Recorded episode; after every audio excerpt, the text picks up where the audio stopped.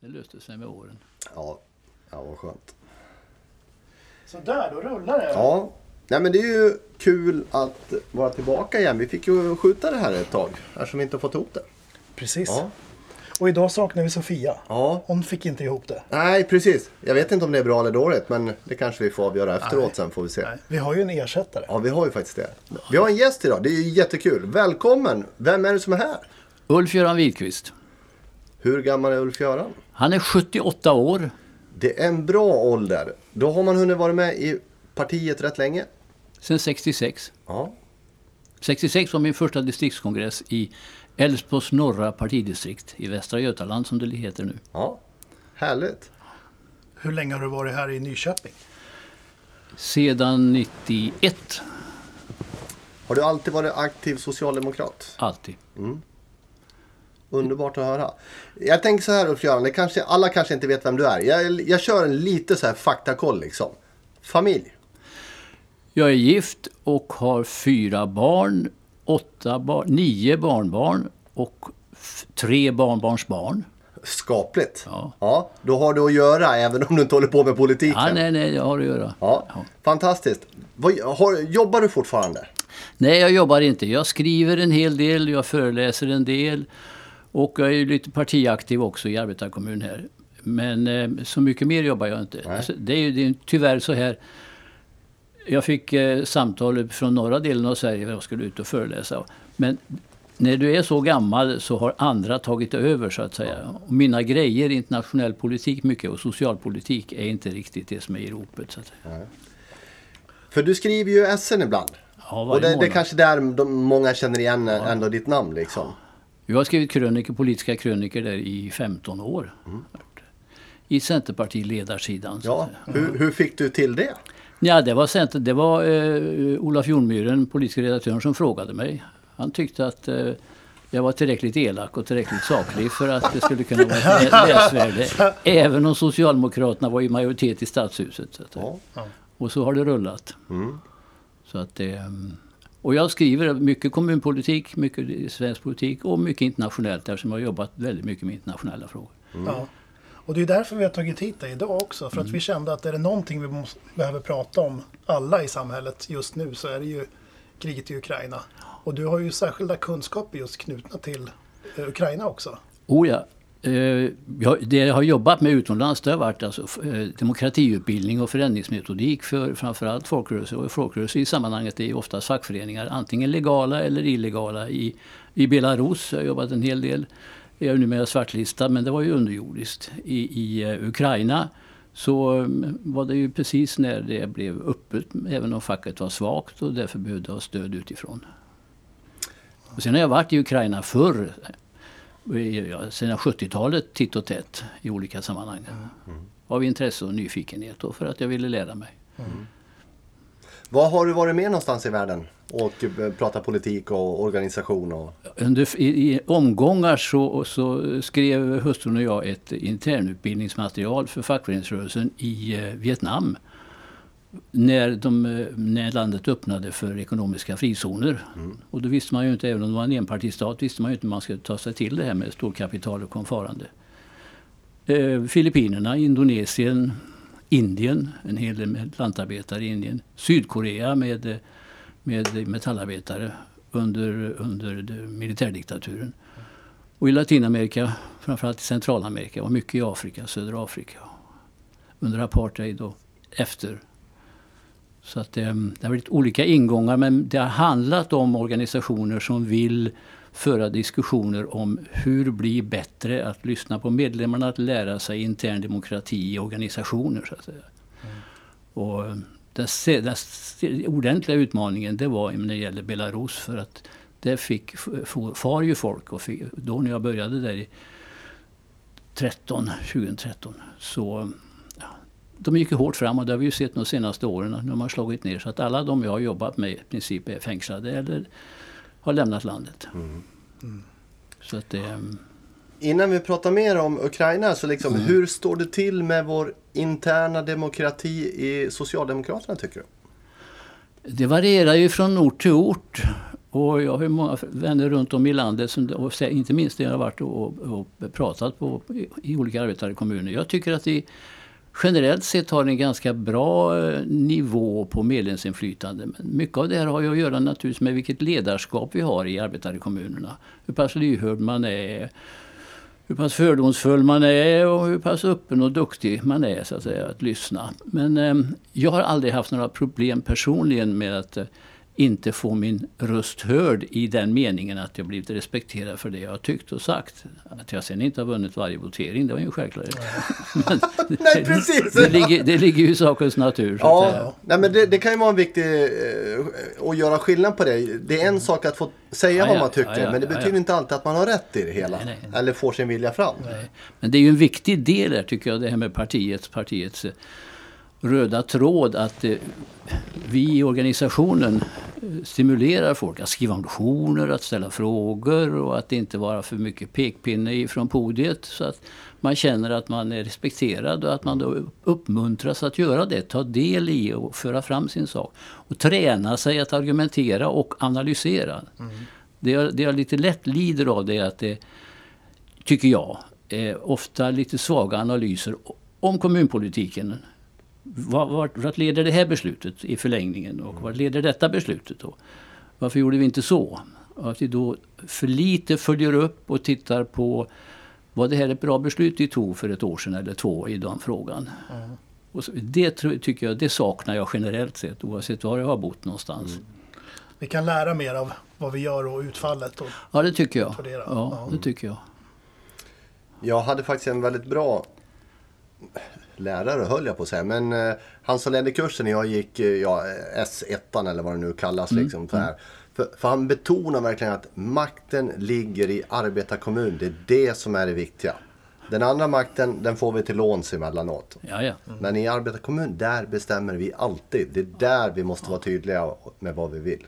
Ja, och då är det också viktigt att vi följer upp det. Men när jag har skrivit en motion i arbetarkommun, oavsett vad ämnet är, så, så eh, menar jag att det är styrelsens eh, sak att se till efter beslut, om den har blivit tillstyrkt på arbetarkommunmötet, hur blev den här hanterad?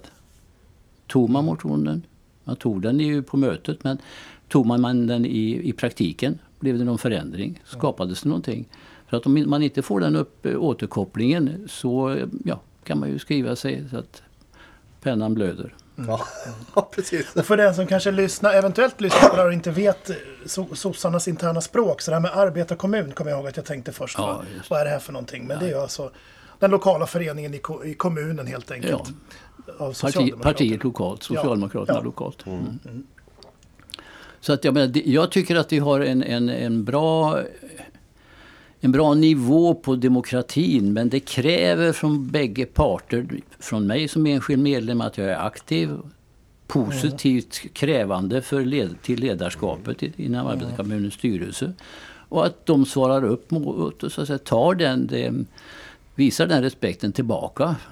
Och inte minst detta det att när jag har gjort någonting aktivt så ska det visas att det här, det här, blev ingenting av det och det skälet eller det här fick det, det spåret. Mm. Och det kan du vara nöjd och glad med, kanske om du tycker så. Mm. Men, och sen har vi den där motsättningen, eller motsättningen, den där kluvenheten som du var inne på Björn.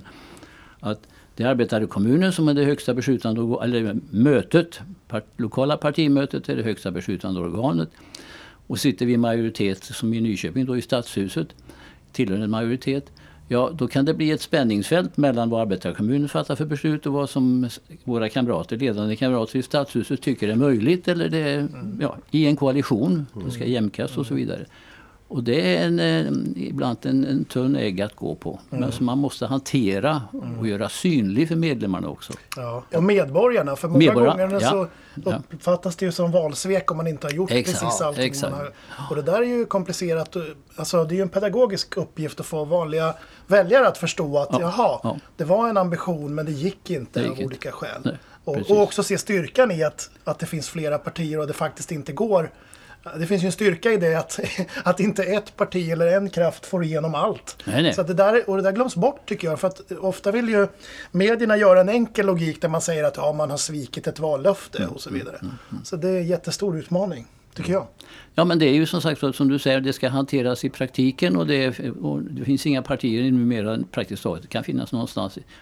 Det fanns väl uppe i Bergslagen ibland något parti där som var det var väl Vänsterpartiet som hade majoritet ett tag i vilken kommun det nu var. Det var ju rätt fantastiskt ja. i och för sig. De fick ju igenom vad de ville. Mm. Men annars ska vi ju samarbeta, vi måste ja. kompromissa. Mm. Och då måste det också visas, som du säger, tillbaka in i, i partiet. Mm. Att så här blev det med det här beslutet. Det gick halvvägs eller det gick inte alls. Mm. Mm.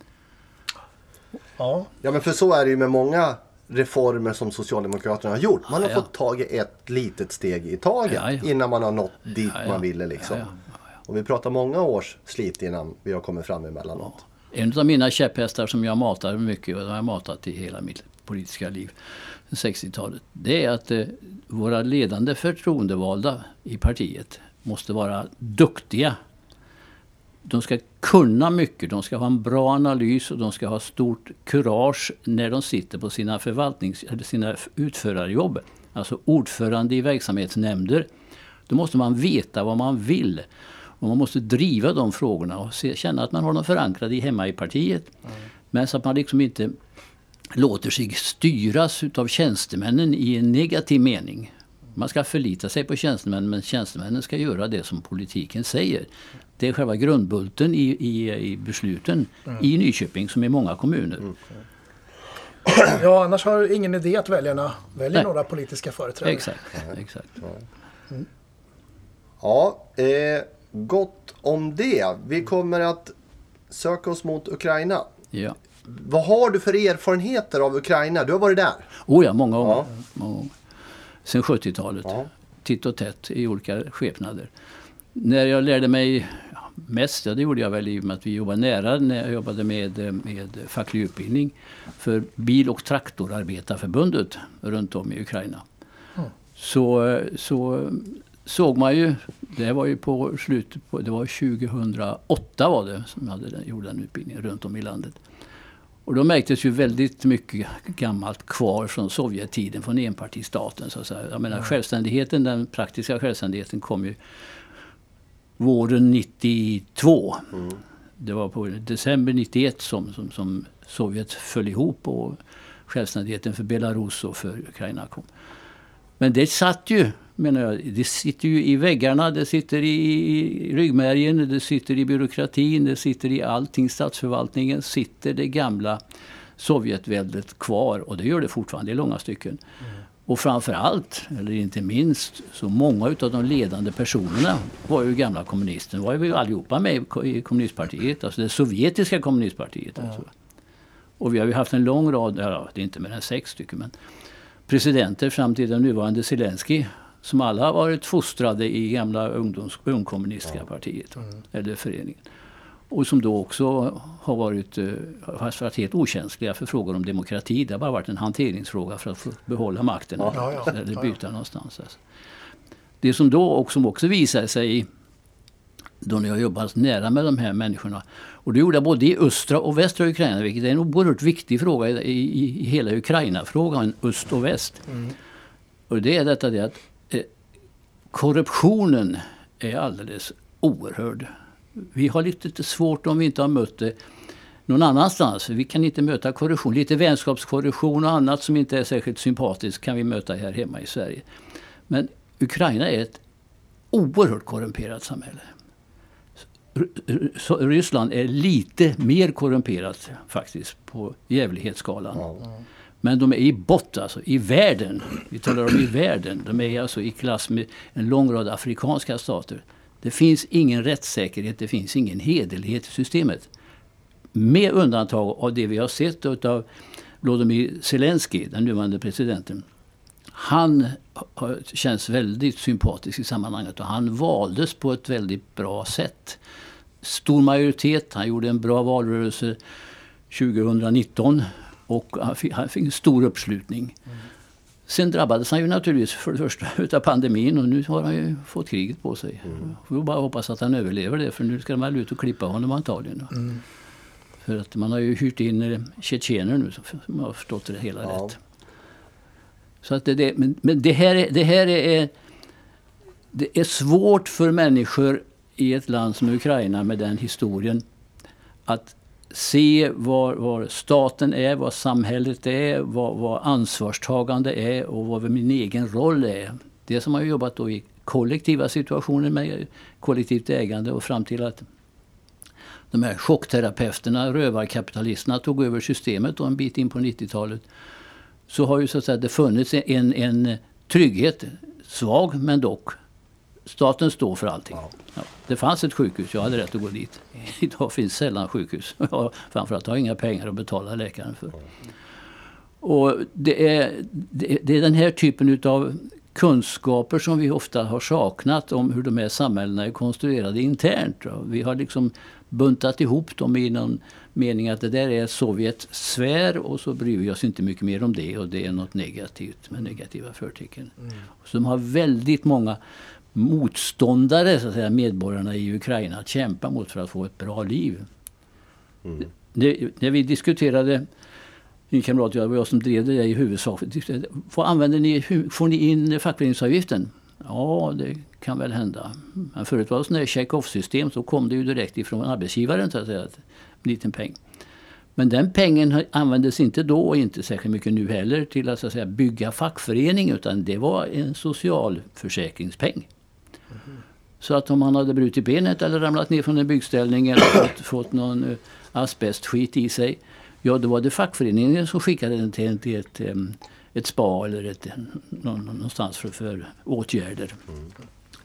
Och då, då, får man ju vända på synen och säga så här, ja men då måste vi få in pengar till facket för att kunna driva en demokratisk ordning för att kunna ha jurister exempelvis, vilket ju i, i grannlandet Belarus är en jättefråga. Så att vi måste kunna ha kunskaper för att driva medlemmarnas frågor inför arbetsgivaren helt enkelt. Mm.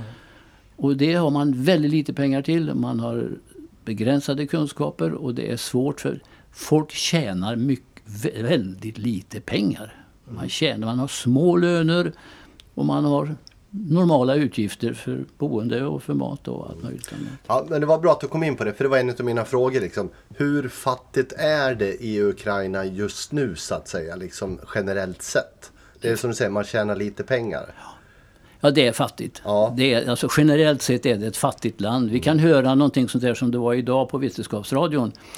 De pratade om, om eh, det här med, med krigsskador och alltihopa, hur sjukvården ska fungera. Det finns naturligtvis en hel del läkare runt om i landet. Det är ett land på över 40 miljoner invånare. Hur många de egentligen är svårt att säga. Man, man brukar säga 44 men det håller jag mig lite tvekande inför. Mm. Men det är mer än 40 miljoner. Mm. Så stort det är det näst största landet i Europa. Mm. Men man tjänar lite pengar. Grundtryggheten i systemet är väldigt svag och det innebär att folk kämpar som bävrar för att få vardagen att gå ihop. Alltså de, den stora, stora, stora majoriteten gäller detta. Mm. Sen har vi ju dem, vilket är till den stora tragedin i Ukraina såväl som i Ryssland. Mm. Att när den här rövarkapitalismen kom in då i början på 90-talet. Ja. Så har vi alla oligarkerna som vi möter runt om nu i, i medierna. Mm. Som har stulit allt. Mm. Alltså, vi måste ju komma ihåg detta, att allt detta, hela produktionsapparaten, all serviceapparat var ju samhällsägd. Mm. Staten egentligen, inte kommunerna, ja. staten. Och när det här privatiserades med hjälp inhemska partipampar i allt väsentligt som tillsammans med västländska, västliga finansinstitut såg till att fixa den här marknadsanpassningen från planekonomi till marknadsekonomi. Ja, då stal man ju allt man kom åt. Ja, men ser ju du idag, Chelseas ägare, han är ju skiträdd idag för att nu hängs han ut. Ja. För att han, ja, hur har han kunnat ta, få tag i så många tiotals miljarder kronor Ja, men det är ju människors arbete och det som människor har arbetat ihop. Mm. Mervärdet som vi säger som har skapats, mm. det har, de, får, har inte medborgarna fått till godo annat än i väldigt liten utsträckning. Väldigt liten utsträckning. Jag tänker på, jag var ju extremt dåligt, eller det var vi väl kanske alla, men insatta i samhällsutvecklingen eh, liksom generellt i just Ukraina. Det är ju inte någon land vi pratar om till vardags. Nej. Hur långt hade, nu, precis som du säger, nu hade pandemin hunnit komma och så vidare, men hur, mycket, hur långt har Zelensky hunnit kommit med liksom idéer och reformer för att liksom komma åt de här? Det här är ju förstås en del av det som, som sticker i i ögonen på de som har pengarna och makten naturligtvis. Men hur långt hade han kommit i sin retorik och, och sitt arbete för någon förändring? Det är jättesvårt att säga. Han har verbalt sagt och han har folk omkring sig som verkar hyfsligt hederliga. Mm. Där man då säger att, att eh, man inrättar här, kommittéer och kommissioner som ska då gripa sig an korruptionen ja. i, i statsförvaltningen. Det är ju den stora frågan så att mm. säga de stulna pengarna kommer man ju inte åt, alltså det som finns i, hos oligarkerna. Men det, det är en gigantisk fråga. För vi talar nu alltså om korruption ner på vardagsnivå. För att få, köpa, för att få ett läkarintyg, mm. för att få en, en, eh, möjlighet att gå till och köpa din medicin på apoteket. Så behöver du väldigt ofta muta en läkare. Mm. För att du ska få detta. Mm.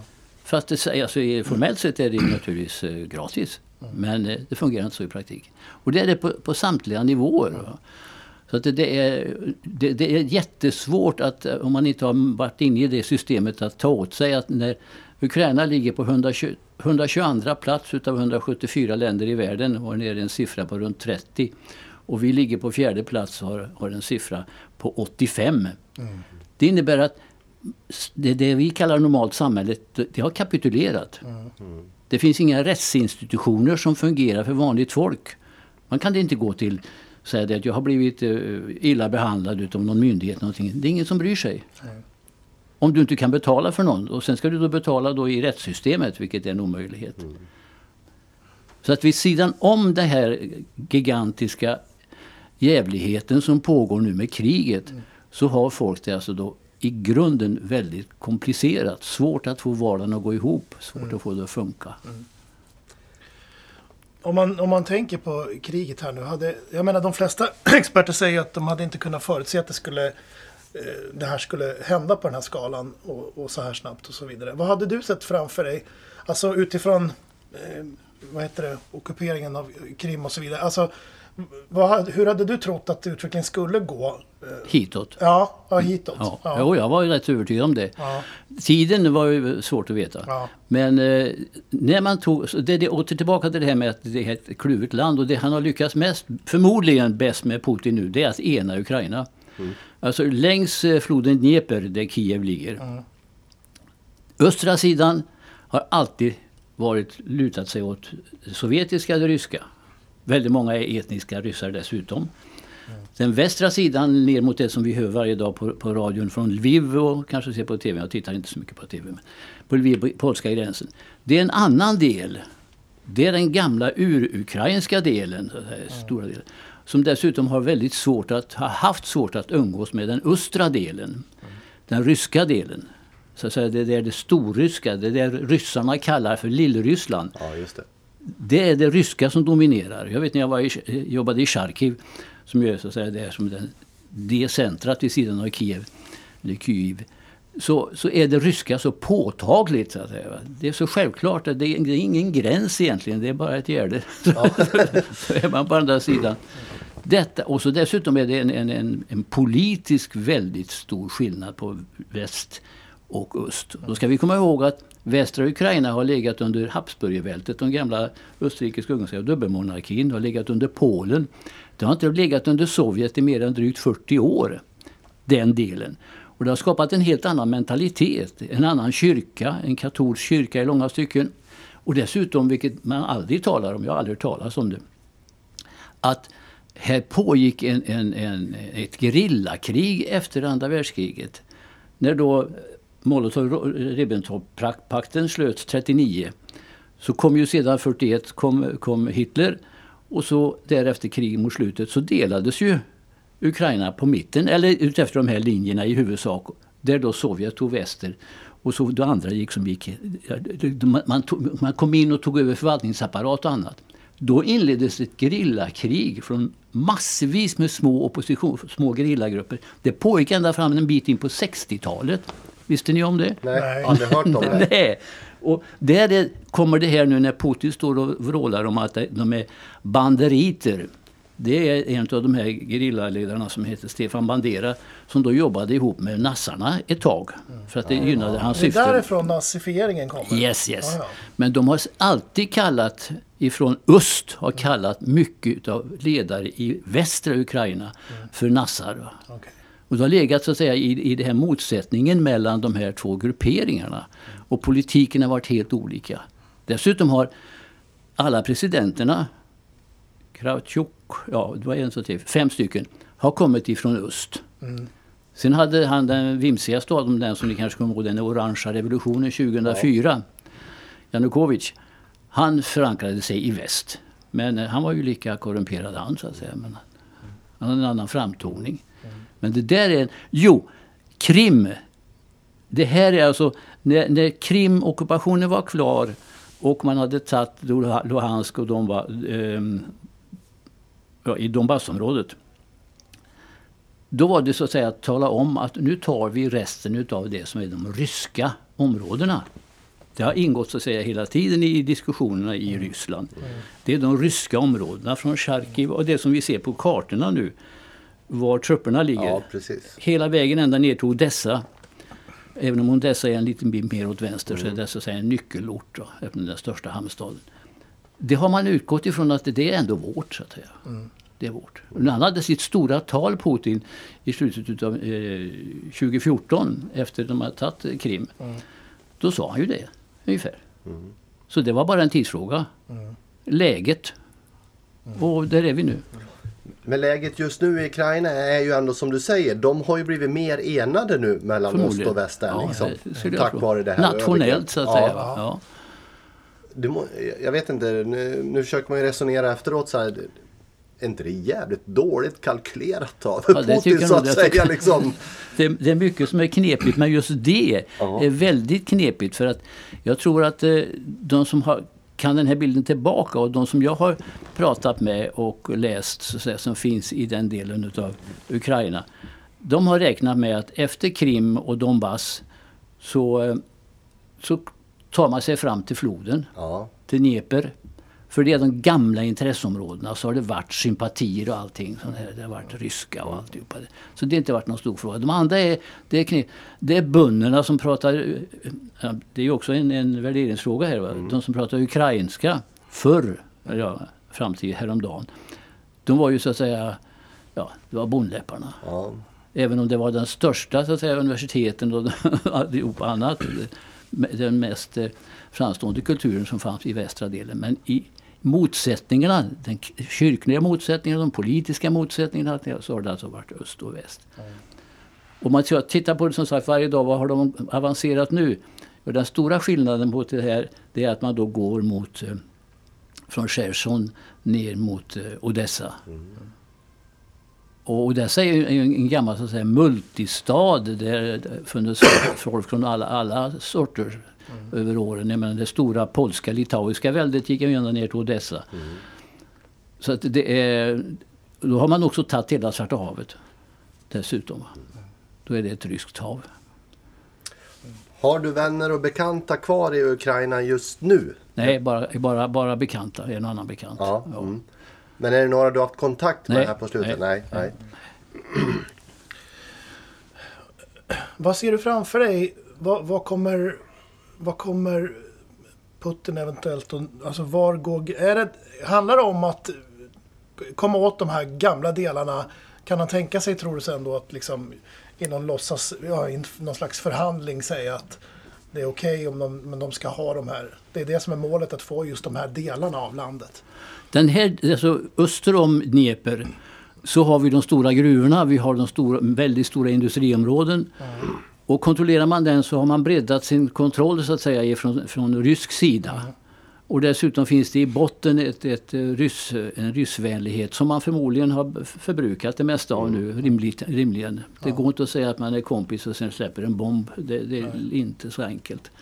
Men eh, jag kan tänka mig att i, i, i eh, i det här skedet så blir det en annan uppgift att försöka ta västra Ukraina. Dessutom rent geografiskt så ska du ta dig mycket, mycket längre bort. Det är en stor geografisk yta. Och du kommer då in i andra länder. Jag menar, här har du bara vänner så att säga. Inte ens inom parentes, men jag menar du har du har Belarus som jag menar är fullproppat med ryska soldater. Ja. Man går ifrån Belarus och ner mot Kiev. Så kommer man längre utåt väster, ja då har du plötsligt NATO-folk. Ja. Då Då, då, då, då är du nere och tafsar i NATO-gränserna hela tiden. Estland, Lettland, Litauen och du har, du har Polen och du kommer ner i Ungern och Slovakien. Och, då blir det, och Rumänien, då, då får du ett annat, ett annat fysiskt sammanhang också. Så att jag, jag skulle inte vara förvånad om han säger att eh, nu har vi tagit Odessa så nu har vi hela sjön.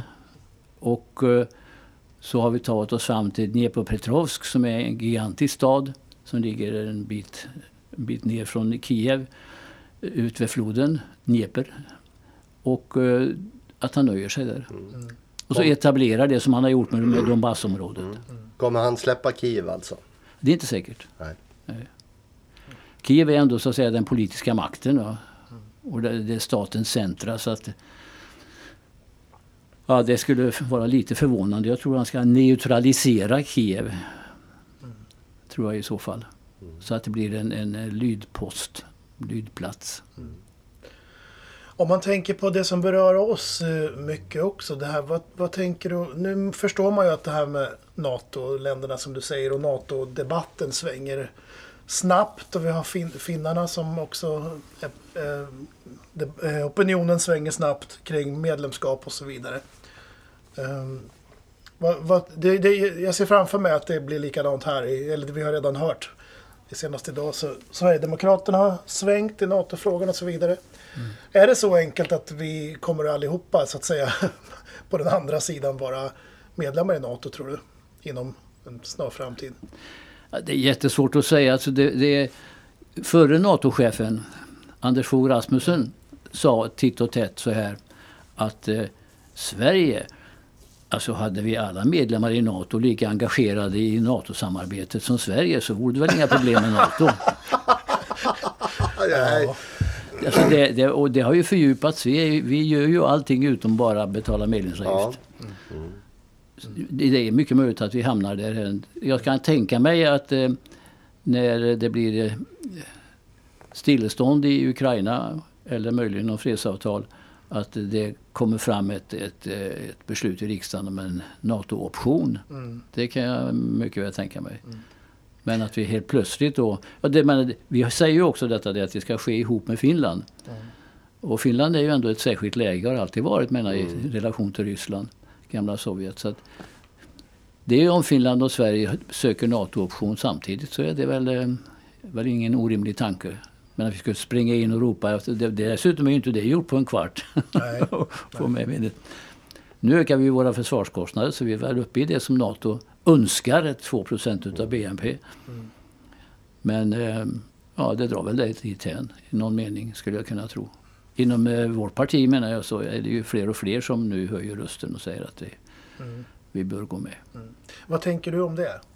Ja, jag tycker att den nuvarande ordningen som vi har, den har tjänat oss väl. Mm. Dessutom finns ju det grundläggande, det kan man ju säga perifert i det här läget, men vi har ju en gangsterregim som den turkiska. Ja. Då är vi alltså i knät på turkiska som har alltså då kontinentens största armé dessutom. Mm. Mm. Eller militärmakten, ju större än Rysslands. Mm. Eller den, den storleken. Ja, på något sätt känns det som, jag har alltid tyckt att, eh, som sagt var, också lutade mig mot att det har tjänat oss väl och så vidare. Och sen så, ja, fler och fler höjer rösten liksom att det är inte det vi kan titta på vad som har varit. Man raljerar över att, ja ja, det var då, men vad, liksom, vad, vad har vi nu? Men samtidigt så tycker jag det känns också alltid det känns också som en förenkling lite grann att man går med i goda och onda. Jag menar vi kan lika gärna ha Trump tillbaks i, i USA efter nästa ja. val där. Och vad ja. innebär det då i så Till fall exempel, för ett NATO-samarbete? Det är liksom, och de, ja. de stegen är det många som ja, inte riktigt kanske tänker på. Särskilt inte just nu när man har det här. Nej men det är klart att det är den här paragraf 5 då, det ömsesidiga stödet som man är ute efter eller, från NATO-anhängarnas sida. Mm. Ja. Och det är ju odiskutabelt att är vi inte med så är vi inte med. Nej. Nej. Sen kan vi ha hur mycket nära samarbeten och hur mycket gemensamma övningar uppe i norr med flygvapen och allt annat sånt där. Mm. Nej men för det ser vi ju på Ukraina också. Det finns ja. ju ingen, inte en chans att NATO kommer skicka in soldater där. Det kommer ju aldrig hända. Nej, det kan jag aldrig tänka mig. Och jag menar, i det läget kommer vi också befinna oss. Ja. Så som läget är nu. Ja. Om någon skulle komma så att säga. Mm. Och det, det är också så, ja jag kan förstå det också. För skulle NATO börja gå in då eskalerar ju konflikten ännu mer. Alldeles enormt. Alldeles enormt. Är det rätt att vi rustar upp vårt militära försvar? Ja, alltså jag, jag, jag, tycker, jag tycker att det är klart vi ska ha ett fungerande försvar.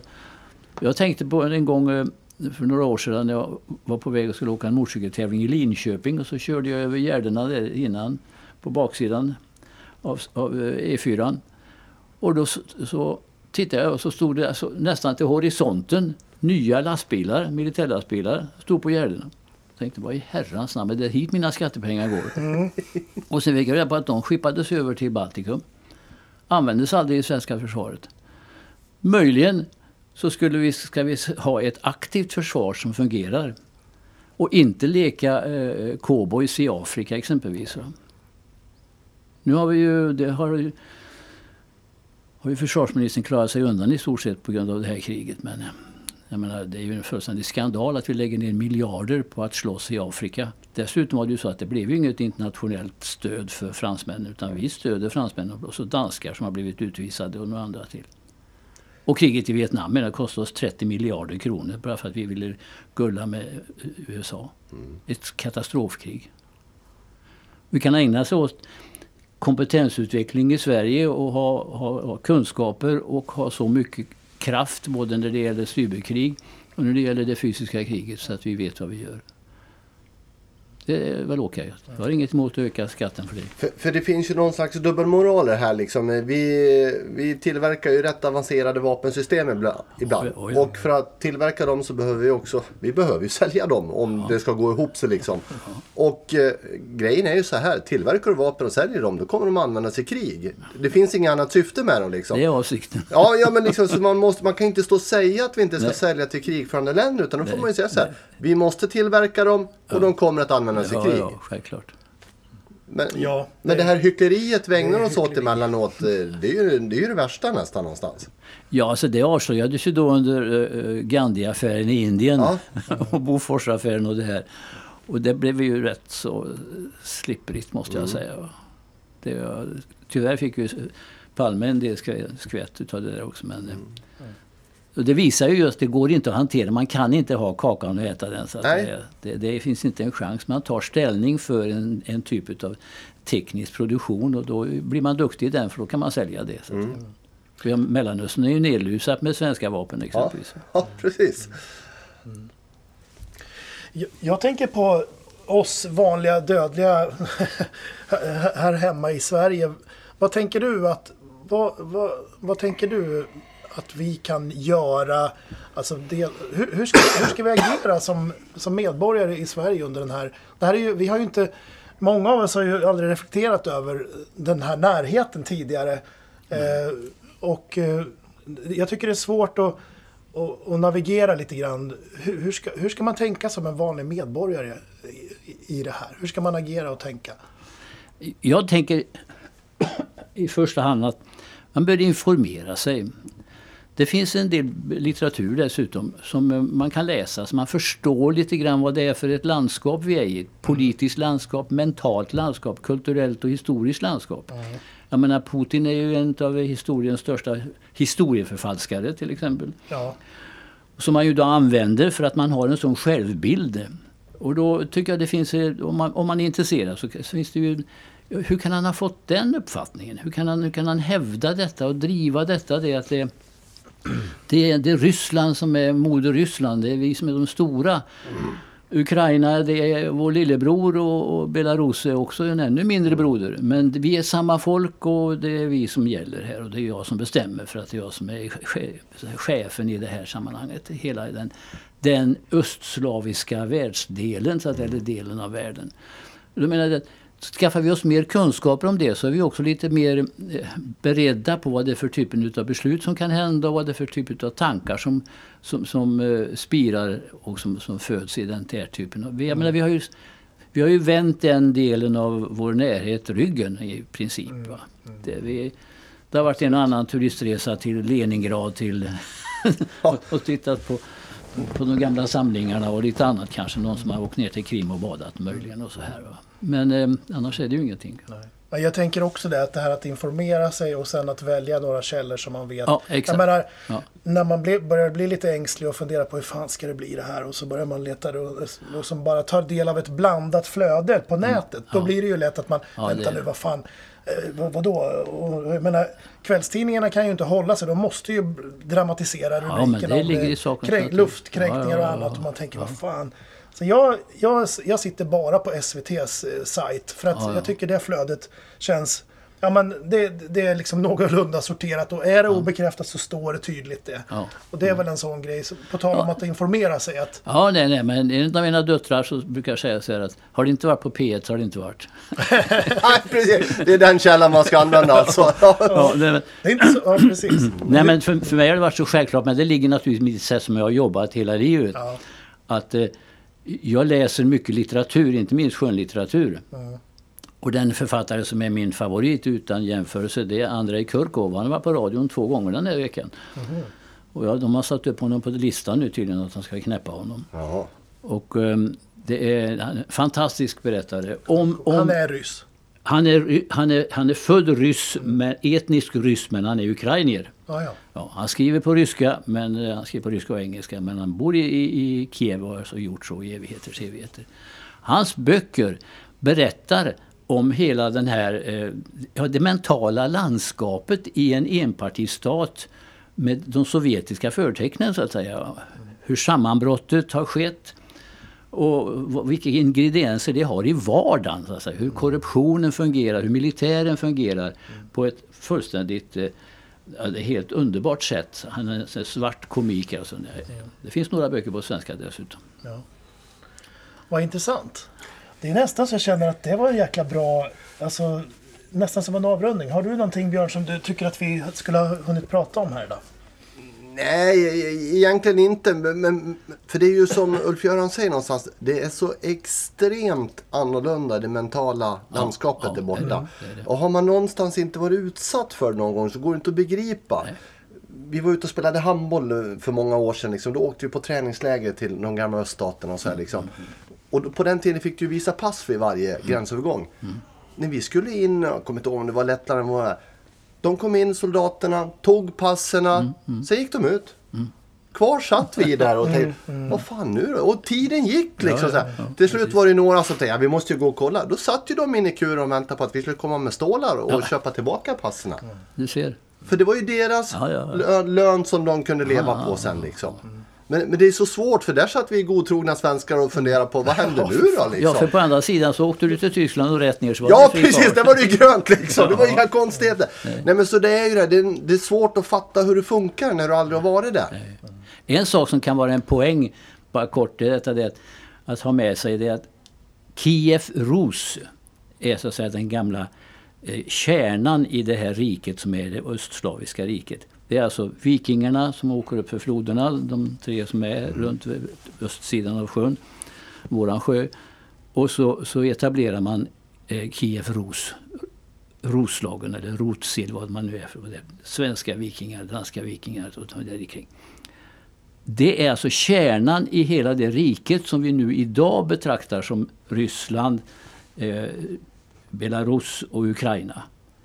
Och det, det som ju då tillhör Putins förfalskning av historien är att Kiev Rus, det var Rurik, svensken Rurik, som var med och startade Novgorod och sen var hans, två av hans krigare tog sig ner, Alrik och Bir tror han heter någonting, ner till lite längre ner för sjön och floden och bildade Kiev Rus som var alltså ett storrike i flera, i flera i ett par 300 år. Ur detta riket skapas sen det som vi sen känner som Ryssland. Alltså, Moskva bildades, eller grundades 1147. Kiev Rus är alltså stort och starkt i slutet på ni- 800-talet. Putin han vänder ju på det här så att säga. va? Och ska försöka hitta... Men, men här ligger... Och sen är en annan sak som är ganska fantastisk som vi aldrig hört, ingen talar om. Jag hade hört talas om det för ja, några år sedan. Det är en, en utav eh, kosackerna som slogs ihop med, med eh, Karl XII i Poltava. När de fick stryk där 1709. Den ene hette Mazepa, men sen stupade Mazepa och hans närmaste man heter Filip Olrik. Han skrev en av världens förnämsta författningar om någonting som i det här kosackriket skulle kunna bli, eller komma att bli, eh, Ukraina i modern tid. Han, Ulrich följde med, följde med Karl XII till Bender. Och där blev det lite stökigt. Så då säger Karl så här att ta nu dig, din hustru och alla dina barn och ett gäng och så, så får ni fri lejd till Kristianstad, till Skåne. Så, så Filip Ulrich bodde i Skåne på början på 1700-talet. Där finns det numera eh, minnesmärken som ukrainierna har skickat till Kristianstad. Och i Svenska riksarkivet finns denna grundförfattning som är alltså mer avancerad än den franska och den amerikanska. När det gäller maktdelning, republik, geografi och allting. Så menar, de har i Ukraina verkligen att stå på när det gäller från Kiev, Ros och framöver sin identitet som en nation, även om man har förvägrats det över åren på, av olika skäl. Så någonstans är det så här, det, det vi kan sammanfatta med det lite grann. Läs på så att man vet vad det handlar om egentligen. Ja. För det är så enormt viktigt att veta bakgrunden i de här konflikterna och allt som händer liksom. Och inte bara lyssna på det som sägs idag. Nej. Vi ska avrunda här. Marcus försökte avrunda nyss. Erbjöd ett Jag ber, försök. Det är lugnt. Men till, Bonus, du, bonusspår. bonusspåret ja. Du ska få avsluta Ulf Göran och sia lite grann in i framtiden. Vad händer och hur kommer det att te sig nu i den närmaste tiden? Så det, är, det är självklart en omöjlighet att veta. Men som jag sa tidigare, alltså, i, i, min, i den mån det finns någon logik här hos Putin och annat så är det med, med bakgrund av hur östra och västra Ukraina ser ut. Även om Putin har lyckats kanske ena dem nu. Så tror jag att han har inga större ambitioner att gå över floden Dnepr. Då är han kvar i de gamla klassiska områdena som han talade om i sitt tal på Krim i Sevastopol 2014. 2014. Att det är det som jag ska ha så att säga. Ja. Det har han aviserat. Man har fått vara både blind och döv om man inte har sett att det är det han säger. Så där skulle han kunna stanna och säga så här, nu kan vi stanna. ha vapenvila. Ja. De stora industriområdena har han då fått under sig totalt och det är de som har varit nära samarbetare. Problemet bland mycket är nu detta det att Zelensky är inte lika är, Jag vet ingenting om hans korruption. Bra på det. Zelensky är inte som de tidigare korrumperade presidenterna och korrumperade statsapparaten som följer så att säga chefen. Så att det, han kan få problem. Han har ju problem. Och det har slagit lite hårt internationellt mot Ryssland. Ja, det kan man väl säga. Ja. Ja. ja, vi kommer ju med största anledning med största anledning. Vi kommer antagligen få en stor anledning att återkomma i frågan. Och eh, ser ju gärna att du kommer tillbaka då också och pratar vidare om det här. Stort tack! Ja, Tack kul att ha. det här. Tack ha. Ja. Folkbildning är viktigt. Ja, precis. Och, ja, och det var som du sa, man får säga till när du ska vara tyst. Ja, exakt. Ja, det är bra. Vi, vi får stänga av och så får vi fortsätta ta del av kunskapen Ja, här. så är det. Tack för idag. Ska du skruva någonstans? Ja, nu ska du skruvas av här. Ja.